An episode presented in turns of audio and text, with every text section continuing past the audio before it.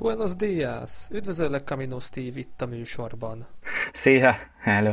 Sokan lehet, hogy még nem ismernek a nézőim közül, rengeteg videó, TEDx előadás van rólad fent a neten. Köszönöm szépen, hogy a munkád mellett tudtál erre a kis beszélgetésre időt szánni. Te is utazó vagy, utazol sokat, a múltban is, gondolom a jelenben is, meg a jövőben is. Milyen utazási terveid lettek volna, lennének közel és távoli jövőben most?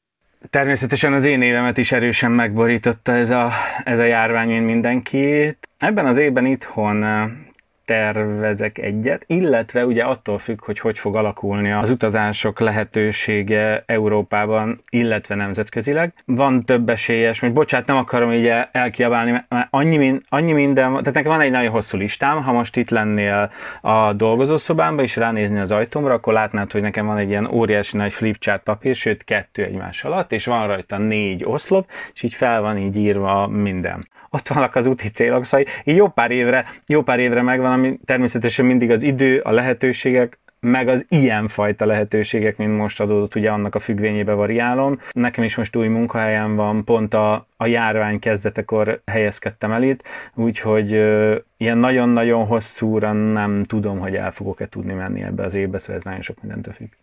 És lett volna valami már konkrétan betervezve, és ennek a csuda P betűs andémiának köszönhetően így ugrott? Én szerettem volna visszamenni az USA-ba. Ugye egyrészt van olyan útvonal, amit szeretnék befejezni, ami tavaly pont, amikor ugye én elkaptam egy vírust, és ott félrekezeltek, azt hitték, hogy lánykor, aztán kiderült, hogy mononukleózis, és amiatt ugye ott időben elcsúsztam, hát illetve 2019-ben 100 éve nem volt olyan rossz időjárás, mint ugye a tavalyi évben, ami azt jelenti, hogy 300 százalék volt a hószint egy átlagos évhez képest.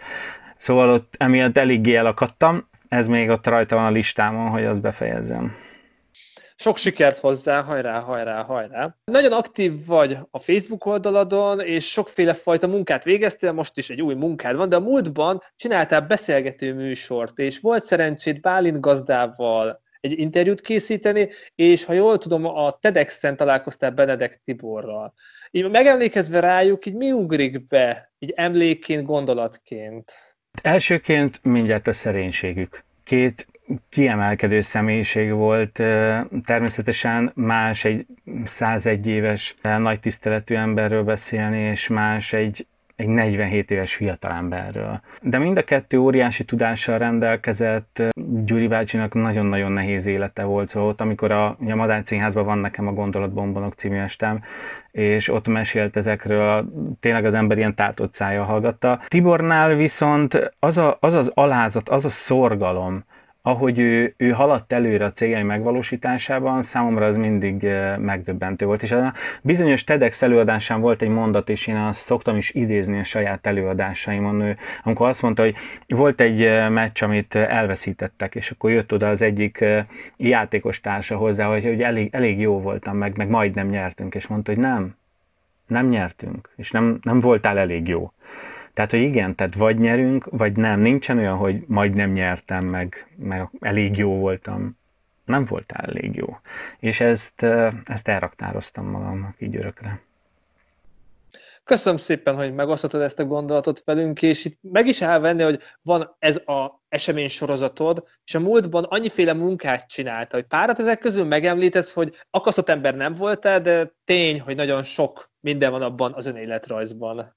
Én művészként kezdtem a pályámat, hú, még én korengedélyen mentem általánosba, szóval még hat éves se voltam, néptánc tagozatra, aztán az állami népegyüttesben, majd a Budapest tánc együttesben voltam, profitáncos 16 éves koromtól, előtte tudós voltam, onnan kerültem oda, aztán színművészeti főiskola, aztán tanítottam a színművészeti egyetemen, majd a Debreceni Csokonai Színház igazgatója lettem, és ahogy szoktam fogalmazni, 2006 január másodikán fejeztem be a igazgatói pályafutásomat, utána még játszottam, 19 évet játszottam a Macskákban Magyarországon és, és Olaszországban, és, és eltört bennem a színház, és aztán ilyen elhagyó lettem. Azóta pedig krízis kommunikációval, marketing kommunikációval foglalkozom, nemzetközi és magyar cégek elindításában, vagy amelyiképpen bedöltek azoknak az újraindításában. Szóval ilyes, ilyesmivel. És a mostani munkád az mennyire kreatív, hogy talált meg, mennyi, mennyi ideig fogsz ott maradni szerinted, hogy látod ezt? Én, én nem szeretek ugrálni egyik helyről a másikra. Nekem nagyon sok olyan volt, ami projekt jellegű, még akkor is, hogyha az egy vagy két év volt, de így volt a megállapodásunk. Tehát ugye pont azáltal, hogy elindítani vagy újraindítani valamit. Itt az egyik tulajdonost ismertem régóta, dolgoztunk együtt, és miután hazajöttem, többször, többször beszéltünk, és mondta, hogy ők már elérték, most lesznek majd októberben két évesek, azt a szintet, hogy növekedniük kellene, és, és jó lenne, hogyha tudnánk együtt dolgozni, és aztán így egymás tenyerébe, tenyerébe csaptunk. Nagyon szeretem, nagyon jó, nagyon jó vidám csapat, kiemelkedően vidám csapat, de azért kellően hatékony is, szóval nem csak a, nem csak a vidámságban meg. Szeretem ezt nagyon, nagyon. Picit más, mint amivel idáig foglalkoztam, még többet foglalkozom emberekkel személyesen, és próbálom őket segíteni a, a saját, saját céljaikban. Így, hogy említetted, hogy igazgató voltál, tanítottál, így korábbi munkáid mellett hogy sikerült utazni, vagy a pálya elhagyás után jött meg ez a, ez a flow, hogy akkor most utazzunk és menjünk jobban világot látni? Régen is rengeteget utaztam a művészpályámnak köszönhetően. Ugye én azért az előző rendszer gyermeke vagyok, ne tagadjuk, és akkor igazán a kiugrási lehetőség az a művészet és a sport volt, és ezzel hála jó Istennek, mint művész az ember tudott is élni. De ahogy szoktam fogalmazni, nem vettem észre nagyon-nagyon sokáig, hogy a, a színház és a siker, meg a csillogás, az hogy képes eltakarni előlem az igazi világot. Szóval így remek szakértője lettem a reptereknek, a koncerttermeknek, a színháztermeknek és a hoteleknek, meg láttam a kötelezően megtekintendő műemlékeket, de ezen kívül más nem, mert dolgoztam. És aztán amikor először mentem el, nekem az első igazán ez 2008-ban volt Erős Zsoltival, Afrika, Kenya, Tanzánia, Kilimanjaro, egy hetes safari, az alapvetően változtatta meg de a gondolkodásomat ezekről, de, de ott még nem, ott még nem, ez nem tudatosult. Csak éreztem, hogy, hogy ez így tök jó, ez jó lenne, de utána volt egy öt éves szünet. És igazán 2013-tól volt az, hogy így elindultam, és aztán úgy azóta, azóta megyek. Na de egy nap alatt több dolgot élek meg, több élményt, rengeteg új barátom lett. Szóval azért mondom, hogy nagyon-nagyon eltakarta előlem a, a színházi világ ezt a fajta világot, és ezt már nem is szeretném semmiért elengedni. Ez több művészettel foglalkozó ismerős is mondja, hogy Attila, én nem tudok mesélni, mert így hotelektől, meg előadó termeken kívül sok minden más nem látok, mert menni kell, jövünk, megyünk, és, és csak ennyi, ennyi benyomást kapnak egy-egy országból akár. De neked is a, a mentalitásodhoz, a gondolkodásod, ez hozzátett az a periódus az életednek, hogy most jelenleg hogyan tekintesz a világra. Én nem panaszkodom, mert azért rengeteg sztorim van, meg én például egy nyarat dolgoztam Párizsban, pont az érettségi után, 84-ben a Bobino Színházban, ahol anno Josephine Bakernek az utolsó előadása is volt, és Párizsban akkor volt a nagy brékörület, és én minden nap mentem a Trocadero térre, ahol 12-től 5-ig találkoztak a brékesek, ott olyan jambori volt, hogy volt, hogy híradó bemondta, hogy a brék előtt tömeget szétverte a rendőrség. Szóval azt itthon nem tudják elképzelni, hogy ott 84-ben ez mit jelent, tehát mindenki piros kappa, jogging nadrágban, mert nálunk még nem is volt ilyen budgyos nadrág. Tehát nem volt piros nadrágod, akkor nem voltál brékes. Szóval ez így és utána mentem be a színházba gyakorolni. Az a, az a fajta hangulat és a szabadságnak az a fajta érzés, amit itthon nem érezhetünk. És hiába jártunk Ausztriába, Németországba, az nagyon más volt, mint a párizsi. Rengeteget formált az ember szemléletén az, hogy, hogy, hogy így járt, hosszabb időket töltött el különböző országokban olyan munkát végeztél, amit imádsz, szeretsz, tehát a munkád a hobbid, és még utazol is, ez egy, ez egy remek, remek kombináció. Ja, ja persze, hát, hát lássuk be, hogy az a legjobb, amikor úgy utazol, hogy fizetnek érte, tehát azért ezen nincs mit vitatkozni. Pontosan, pontosan. És már beszéltük a munkáról, hogy van még valami, amit szeretnél kipróbálni munkaterületén, akár kitanulni, így, így a, a jövőre való tekintettel?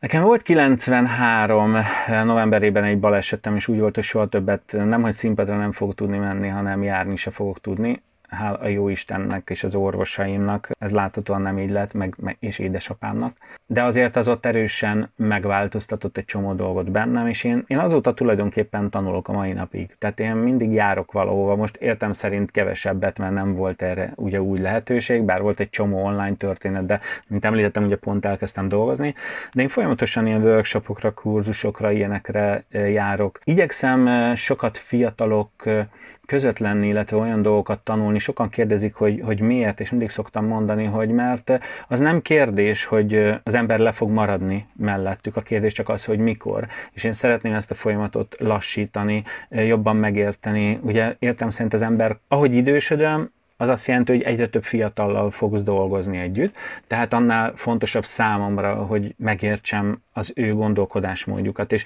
én nagyon szívesen bele szoktam állni olyan vitákba, akik mondják, hogy jaj, mert, mert hogy nekünk még voltak élményeink, meg gyerekkorunk, és nekik nincs. Ez hülyeség. 50 év múlva, nem tudom, van egy gyereked, de hogyha lesz, majd rá 50 évre majd, amikor megkérdezik őt, hogy akkor ő fogja azt mondani, ó, ezeknek a gyerekeknek nincs gyerekkoruk, de nekünk milyen volt, amikor egész nap a scrolloztunk a mobiltelefon. Tök mindegy, tehát az élmény az élmény más, és el kell fogadni, hogy másféleképpen gondolkodunk, más kommunikációs csatornákat használunk, más dolgok fontosak, máson van prioritás, tehát ennyi.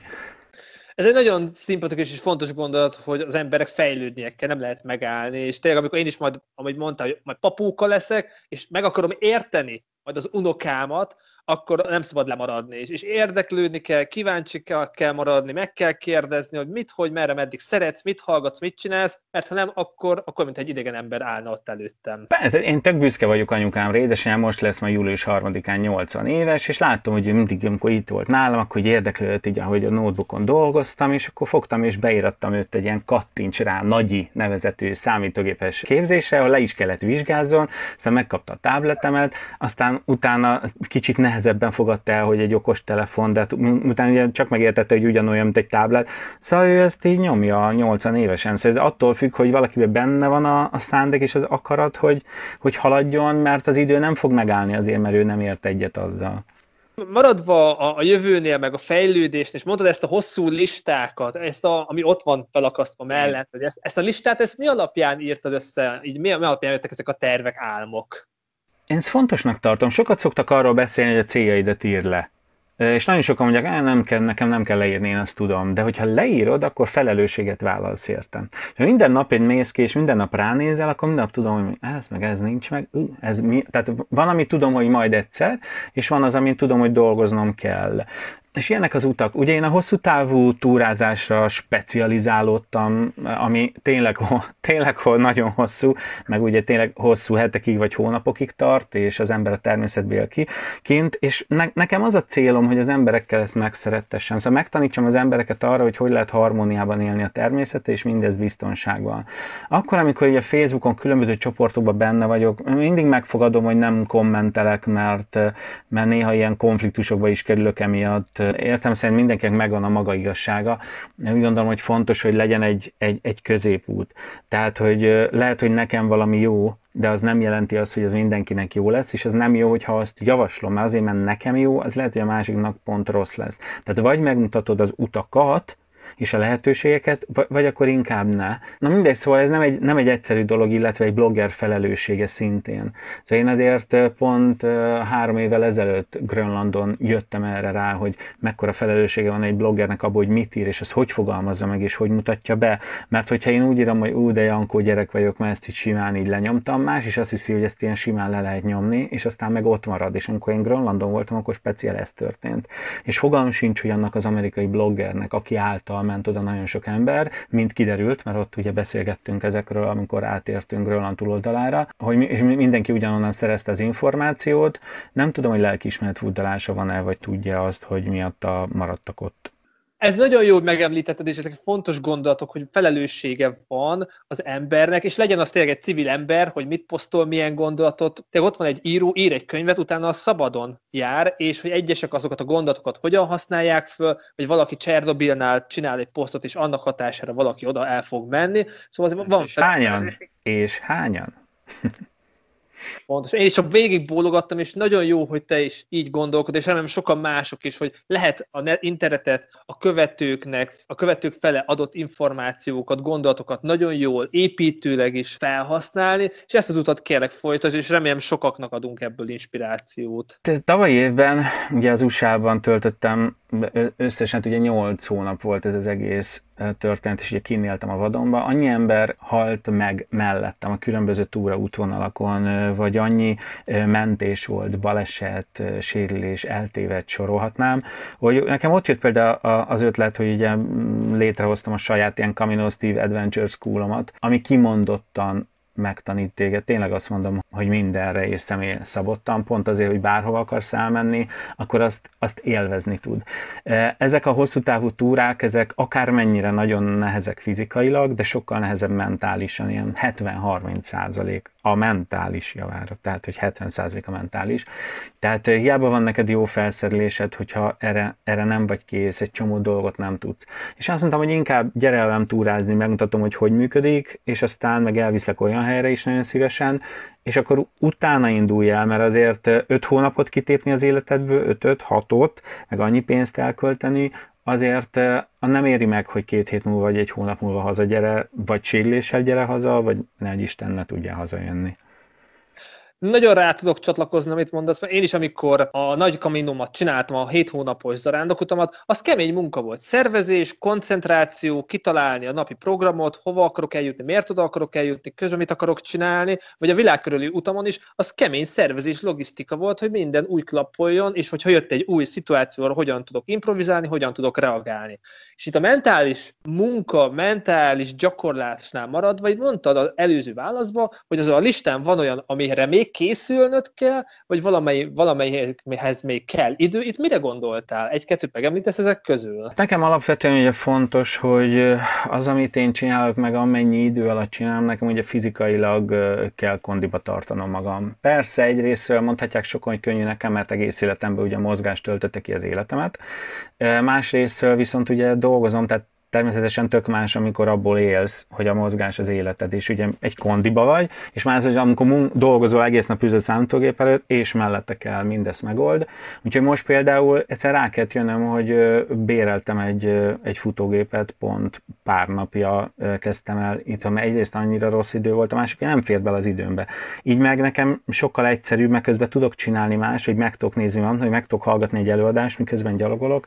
Ráadásul emelkedőn kell mennem, ahol itt nálunk, ahol lakom, itt teljesen sík, tehát hogy itt nincsen a nagy pusztába, de a harmadrészt, meg, tök mindegy, mert ha kimegyek, akkor is én mindig egy 10 kilós taktikai mellénnyel nyomom, és, és igyekszem ugye a tempót is fejleszteni. Tehát én mégiscsak 54 éves vagyok, és nem 20 éves, aki megfogja hátizsákot, aztán elindul. Tehát igyekszem odafigyelni, hogy kandiba tartsam magam. Tehát nekem ugye a legfontosabb az, ahova szeretnék elmenni, azokról szép folyamatosan az információkat gyűjtögetem, de de azt mondhatom neked, hogy van már akkora rutinom, hogy tulajdonképpen azért tényleg azt mondom neked, és ez nem nagy képviség, hogy bárhol kiraksz, azért azért átítok a túloldalra, ha azért megvan az alapinformáció, ami természetesen egy-egy dolog, ami nagyon fontos, de hát úgy meg nem fogok neki indulni. Tehát én sem azért meg, hogy aztán ne jöjjek haza. Tök jól hangzik, és sikeres felkészülést kívánok, balesetmentes felkészülést a következő adventure, a következő kalandra. Köszönöm szépen, hogy szerepeltél itt a műsorban. Várunk szeretettel Bécsben, valamikor remélem 2021-ben találunk egy időpontot, és figyeljük, hogy merre fogsz járni. Nagyon szépen köszönöm, Bécset imádom, úgyhogy szívesen, én ott is dolgoztam, hát akkor még volt, ah, mindegy, ne, ebben ne kezdjünk bele, de... de, de majd eljössz és személyesen majd köszönöm szépen, hogy itt lettem. Szia, szép napot! Szia!